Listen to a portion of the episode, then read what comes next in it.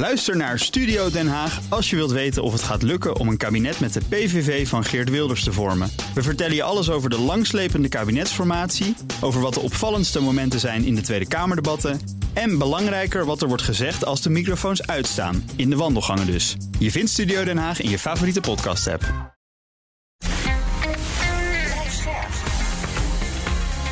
BNR Nieuwsradio. Boekenstein en de Wijk. Hugo Reitsma. Dit is een extra uitzending van Boekenstein en de Wijk in verband met de oorlog in Oekraïne en de crisis met Rusland. Het is maandag, dag 152 van de invasie. Vandaag met Peter Weininga. Uh, Peter, wat kan jij zeggen over de situatie op de grond? Ja, uh, op dit moment zien we dat de gevechten in de Donbass uh, zeg maar worden voortgezet. Um, Russen maken daar weer langzamerhand vorderingen waarbij ze het uh, overgebleven uh, deel van de uh, oblast Donetsk proberen in te nemen. Mm-hmm. dat gaat richting Sloviansk en Kramatorsk en, um, en Bakhmut. Um, daar worden veel verliezen geleden door de Russen. Um, ik denk ook dat dat een, een, vooropgestelde doelstelling is van de Oekraïners... om ze zoveel mogelijk te laten bloeden... voor elke meter vooruitgang die ze boeken, zeg maar. Uh, Kharkiv is nog steeds niet helemaal uh, vrij. Dat wil zeggen, het ligt nog steeds onder vuur. De Russen zijn daar toch weer wat opgerukt richting de stad. Uh, zonder dat echt duidelijk is of ze de stad willen innemen, wordt de stad wel beschoten. Dat betekent dat Oekraïne daar blijvend mensen en middelen aan moet besteden, die dus niet in de Donbass zelf kunnen worden ingezet. En een belangrijk punt is ook wel wat je in het zuiden ziet, is dat Gerson echt wordt aangevallen nu. Uh, door de Oekraïners om bevrijd te worden van de Russische bezetting. Daar worden inderdaad ook uh, lange afstandsraketten voor gebruikt, onder andere van de HIMARS, uh, die um, um, de Oekraïners in staat stelt om de bruggen over de Dnipro-rivier, waardoor um, Gerson zeg maar, van de oostkant van Oost-Oekraïne zeg maar, wordt afgesneden, om die ja. ja te, te, vernielen, zodat de Russen eigenlijk daar met de rug tegen de muur staan. Uh, merkt wel enige terughoudendheid uh, aan de Oekraïnse kant. Uh, hun methodiek is niet de stad in puin schieten en er dan naar binnen lopen. Hm. dat is wat de Russen doen. Maar het betreft natuurlijk hun eigen stad. Die willen ze graag heel in handen krijgen. Ja. De bevolking ook zoveel mogelijk sparen. Maar het was wel iets wat eraan zat te komen. Want het is een belangrijke stad. Het is niet zo'n grote stad.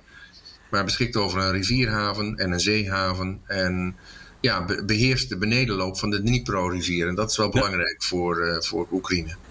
En wat ze dan dus eigenlijk doen, is dat de bevoorrading van de Russische krijgsmacht vanuit de Krim, hè, dat wordt nu bemoeilijkt door het uh, vernietigen van die bruggen over de Dnieper. Ook. Um, je, je, ziet, hè, er is die claim natuurlijk van die 50 uh, uh, kapotgeschoten munitiedepots. Uh, die de Oekraïners hebben gedaan met behulp van HIMARS. Uh, je ziet dat eigenlijk langs het hele front wel. Dat ze niet zozeer direct op dit moment de Russische fronttroepen aanvallen maar vooral de depots daarachter, de voorraden, uh, militaire voorraden, logistieke knelpunten, commandoposten, om uh, zoveel mogelijk het voortzettingsvermogen van de Russische troepen aan te tasten, waardoor ze niet in staat zijn om hun offensief verder door te voeren.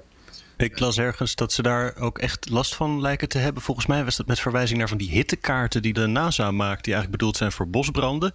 En op basis waarvan je dan een beetje kan zien hoeveel er wordt geschoten. En dat zij daar op basis daarvan dan zeggen van ja, je ziet ook echt dat de Russen nu minder artillerie afschieten dan een paar weken geleden. Ja, dat klopt, want hun aanvoer stokt gewoon. Huh. En hun aanvoer is altijd problematisch geweest. Daarom hebben ze uh, redelijk grote voorraden aangelegd achter het front. Um, en dat blijven ze ook doen, zeg maar. Maar goed, als je dan die voorraden uh, probeert uit te schakelen, wat uh, volgens de Oekraïners dan 50 keer gelukt is, uh, wat we niet kunnen verifiëren, maar vooruit. ik denk dat een flink aantal voorraden toch door de Oekraïners is geraakt. en ook de logistieke knooppunten probeert uit te schakelen, waar langs de Russen zeg maar, die depots bevoorraden. Ja, dan maak je het de Russen heel erg moeilijk. Dan gaat inderdaad uiteindelijk uh, in ieder geval de artilleriebeschietingen uh, gaat een beetje stokken aan de Russische kant. En misschien ook wel de opmars. Hey Peter, mag ik je wat vragen? Gerson is in Russische handen, toch? Ja. En, en uh, die bevoorrading dus naar Gerson toe, die stokt, maar er lopen een hoop Russen rond. Hè? Die ja. ook de bevolking terroriseren. Heeft het Oekraïnse krijgsmacht genoeg gepantserde voertuigen om daar dan in te rijden. En het tweede is, dat wordt, als ze dat doen, dan krijg je dus een gevecht van man op man in die stad. En de Russen weten wel de weg inmiddels na, na een paar maanden in die stad. Dus begrijp wat ik bedoel. Ja, die hebben zich aan de, stad, aan de rand van de stad ook ingegraven in allerlei defensieve posities. Kijk, als je uh, kijkt naar het totale aantal panzervoertuigen wat Oekraïne heeft uh, en ook heeft gekregen uh, vanuit het Westen, dan is dat best veel. Maar ja, dat moet je natuurlijk verspreiden over een aantal locaties. In de Donbass wordt het hevigst gevochten, dus daar gaan ook veel panzervoertuigen zijn daarbij betrokken. Kharkiv moet je in ieder geval uh, middelen gereserveerd houden om omrukkende Russen tegen te houden. Dat betekent dat je niet je hele uh, capaciteit aan uh, infanteriegevechtsvoertuigen, zo zou ik het willen noemen, in, in Gerson kunt inzetten. En dan moet je dus doen met de middelen ja, die je daarvoor beschikbaar hebt. Ja. Hey, zullen we eens door naar het, uh, naar het graan? Want uh, we hebben natuurlijk veel beschouwd over het uh, akkoord dat erover is gesloten. Maar volgens mij de dag daarna heeft Rusland de Oekraïnse havenstad Odessa beschoten. Wat is daar aan de hand geweest? hoe moeten we dat duiden? Nou ja, er zijn allemaal verschillende theorieën over. Die moeten we maar behandelen en dan kijken wat we het meest aannemelijke vinden. Sommige mensen zeggen van... ja, die graandeal kwam eigenlijk alleen maar tot stand omdat Poetin vreesde dat er dus een door de Amerikanen geleide, uh, uh, zeg maar, maritieme konvooi aankwam. Hè? Ja. Dat, is maar, dat is maar een theorie. Hè? De andere groep zegt van ja, eh, Rusland wil dat zelf doen, omdat het dan ook uh, zelf uh, van die sanctieproblemen afkomt. En dan moet je goed mm. bedenken: kunstmest en Russisch graan zijn niet onderworpen aan sancties, maar wel mm. de, de, het verzekeren van de schepen en ook de banken en zo. Dat ligt toch allemaal lastig, hè? Uh, dus daarom is het gebeurd. Nou, dan is de vraag van, maar waarom ga je dan een vier missiles erop sturen? Hè? Sommige mensen zeggen van ja, dat was gewoon een fout. Andere mensen zeggen van ja, hij wil gewoon laten zien dat hij nog steeds de baas is. Hmm. En, en hiermee kan hij de graanprijs nog verder omhoog uh, schieten. Het is eigenlijk heel lastig om er uh, chocola van te maken. Wat ik interessant vond is dat die... Weet je nog die Roman Abramovic? Hè? Hebben het al eens eerder gehad. In de, weet je, dat is die jongen van de Chelsea. Een ja. miljardair. Hè? Ja. En die heeft dus een sleutelrol gespeeld bij die, uh, bij die graandeal. En die is namelijk die bemiddelt dan tussen Poetin en de Oekraïners. Uh, en mensen die hem goed kennen, die zeggen dan weer van ja, het doel was eigenlijk helemaal geen staakt het vuren, maar gewoon prijs opdrijven en verder het Westen verdelen. Ik vind hm. dat zelf een lastige theorie, omdat namelijk op de lange termijn kan Poetin zich niet veroorloven om verantwoordelijk te zijn voor vreselijke hongersnoden in Afrika, waar hij juist vrienden heeft zitten. We gaan straks praten over Lavrov in Afrika. Hm. Welke theorie denk jij, Peter? Die, wat is hier aan de hand? Waarom heeft hij die, die raketten geschoten zondag? Nou, laat ik eerst beginnen. Ik denk, ik ben het met je eens. Ik denk dat het uh, tegen het Russische belang in zou gaan als die graandeal weer um, zeg maar, ja, op losse voeten komt te staan door dit soort incidenten. Uh, dus ik denk inderdaad uh, dat het een, een blunder is aan Russische kant om deze aanval, die waarschijnlijk al gepland stond, om die door te laten gaan. Hmm. Die had moeten worden gestopt. Um, um, je merkt het ook aan het feit dat uh, daags na de aanval deze eerst door de Russen werd ontkend. Het ontkend werd dat zij dat hadden gedaan. Ja. Um, wat vreemd is, want die raketten kwamen van zee. En daar liggen Russische schepen. en, en vervolgens uh, hoor je vanmorgen uh, Russen aangeven ja, dat daar militaire doelen hebben bestookt, onder andere een depot. Um, dus ik denk inderdaad uh, dat dit een blunder was. En weet je, het past wel een beetje in het beeld wat we natuurlijk hebben van de Russen al sinds het begin van de oorlog. De communicatie hapert, de coördinatie is slecht over het algemeen. Uh, en daar past dit wel een beetje in. Dus dit is, ergens is daar iets misgegaan, denk ik. Um, want inderdaad, tegelijkertijd is Lavrov op, op, bezoek in Afrika om daar ook Russische belangen te behartigen. En als dan zoiets gebeurt, dan neemt de betrouwbaarheid van Rusland als handelspartner toch wel weer een beetje af. Ja dus ik denk inderdaad dat het uh, uh, laten doorgaan van die aanval, laat ik het zomaar uh, formuleren, niet in het Russische belang was en dus een, een blunder. Gesproken van uh, Russen die de hele tijd met verschillende verklaringen komen. Lavrov in Cairo is die nu. Die zei ook: we helpen het Oekraïense volk hoe dan ook zich te bevrijden van het regime dat vijandig staat tegenover mens en de geschiedenis. Dus regime change. Dat is eerder ook weer een ander verhaal geweest. Wat, wat, wat moeten we hier dan weer van denken? Nou weet je, Lavrov, het is interessant hoor, wat de Russen in Afrika doen.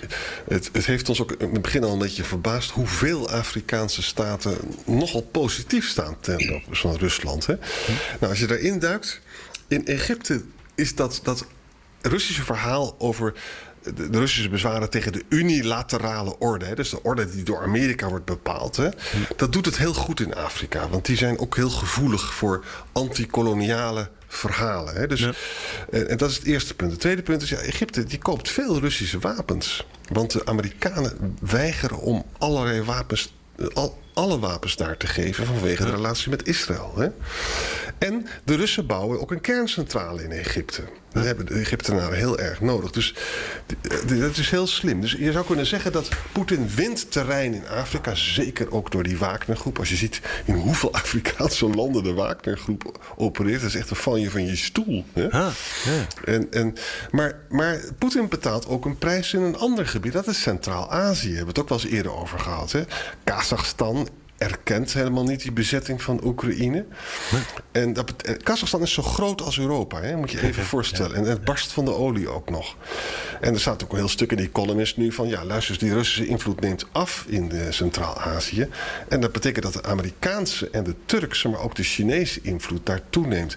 Dat kan voor het Kremlin nou toch ook niet zo geweldig zijn. Hè? Dus je ziet ook dat deze eh, waanzinnige oorlog die op de lange termijn natuurlijk grote problemen voor Rusland oplevert, ook een prijs eh, eh, eh, in, in zich draagt in Centraal-Azië.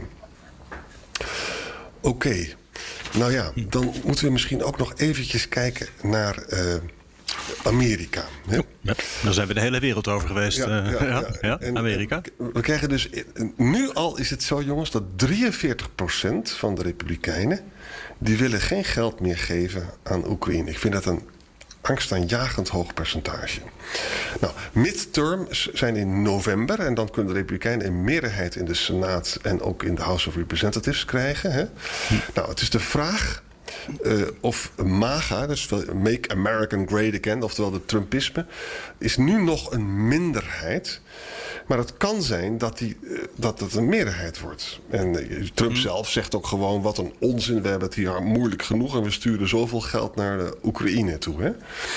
Dus betekent wel dat het timeframe waar we in zitten, eh, er moet er wel echt eh, vooruitgang worden gemaakt in de Oekraïne. Want Amerika kan zomaar wegvallen straks. Hè? Eh, en, en dat maakt me wel een beetje somber. Want we, ze hebben nu, er zijn er nu 12 HIMARS. Er komen nog vier erbij. Hè, met een 84 kilometer range. En daar moet het dan maar mee gebeuren. Hè.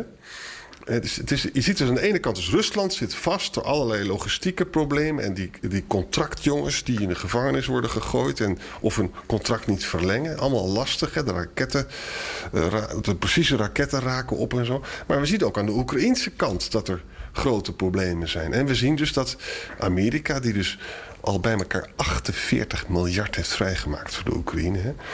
Ja, gaan die dat straks nog doen als, eh, als de Republikeinen een meerderheid hebben? Ik word daar niet vrolijk van. Misschien nog heel even terug naar, eh, naar eh, Lavrov, eh, Peter. We ho- hoorden natuurlijk eerst van de Russen regime change. Toen was het nee, we richten ons op de bevrijding van de Donbass. Nu is het weer regime change. Hoe begrijp jij dat de, de Russen denken over de doelstellingen van deze hele operatie? Nou, even wat Lavrov betreft. Lavrov is een lakij. Ja. Die bepaalt niks.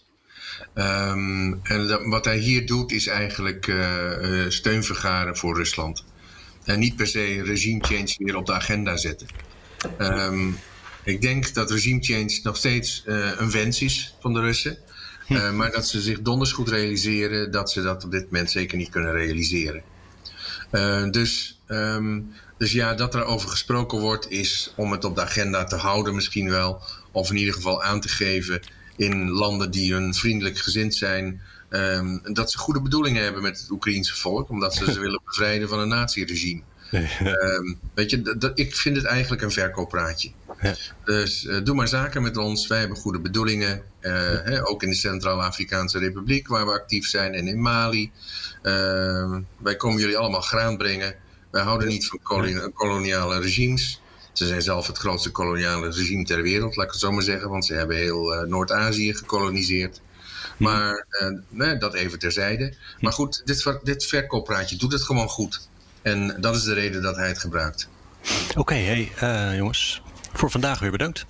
Tot, tot morgen.